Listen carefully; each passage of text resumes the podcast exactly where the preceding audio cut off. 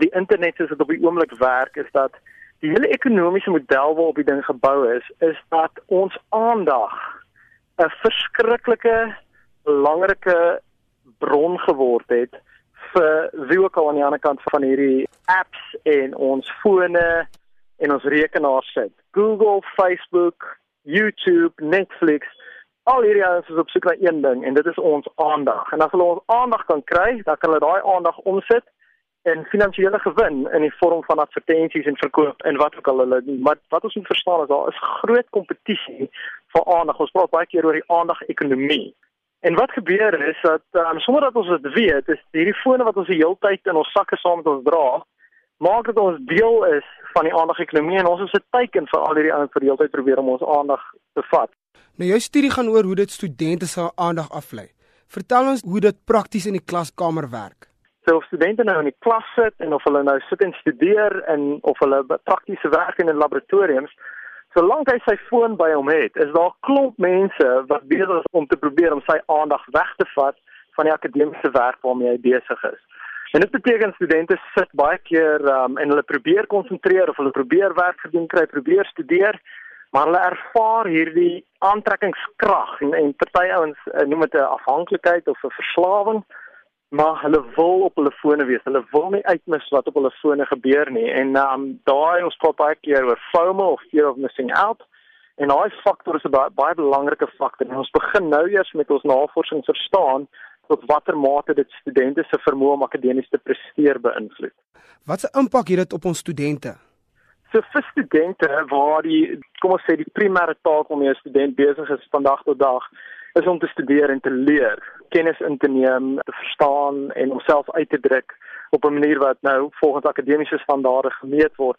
En die effek van aandagverskywing, met ander woorde, ek probeer studeer, maar nou verskuif ek my aandag na na Facebook toe. Ek probeer studeer en nou skuif ek my aandag na 'n WhatsApp toe wat ingekom het.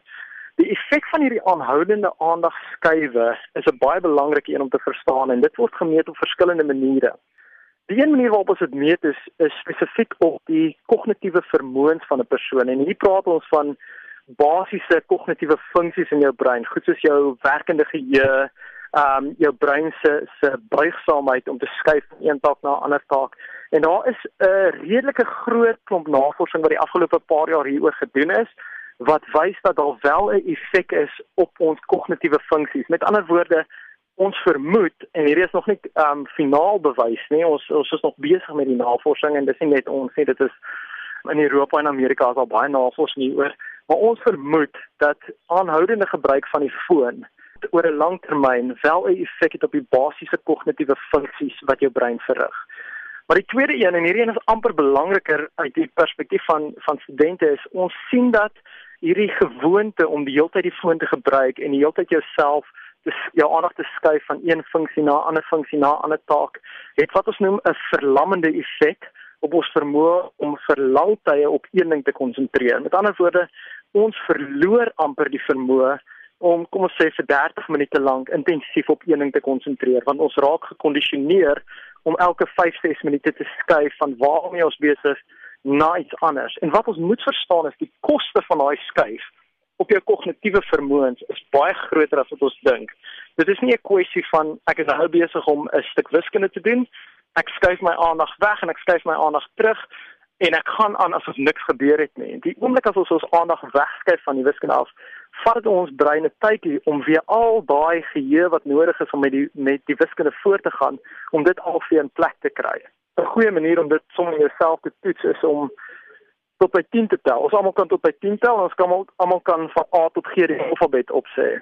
Maar probeer dan te sê 1A, 2B, 3C, 4D en so voort en jy kom agter dat sodra jou brein moet spring van een stel kognitiewe raamwerke na 'n ander een, vat dit noodwendig langer vir jou om die taak te verrig. En die effek hiervan is bloot dat ons effektiwiteit en ons doeltreffendheid waarmee ons ons primêre taak doen verswak.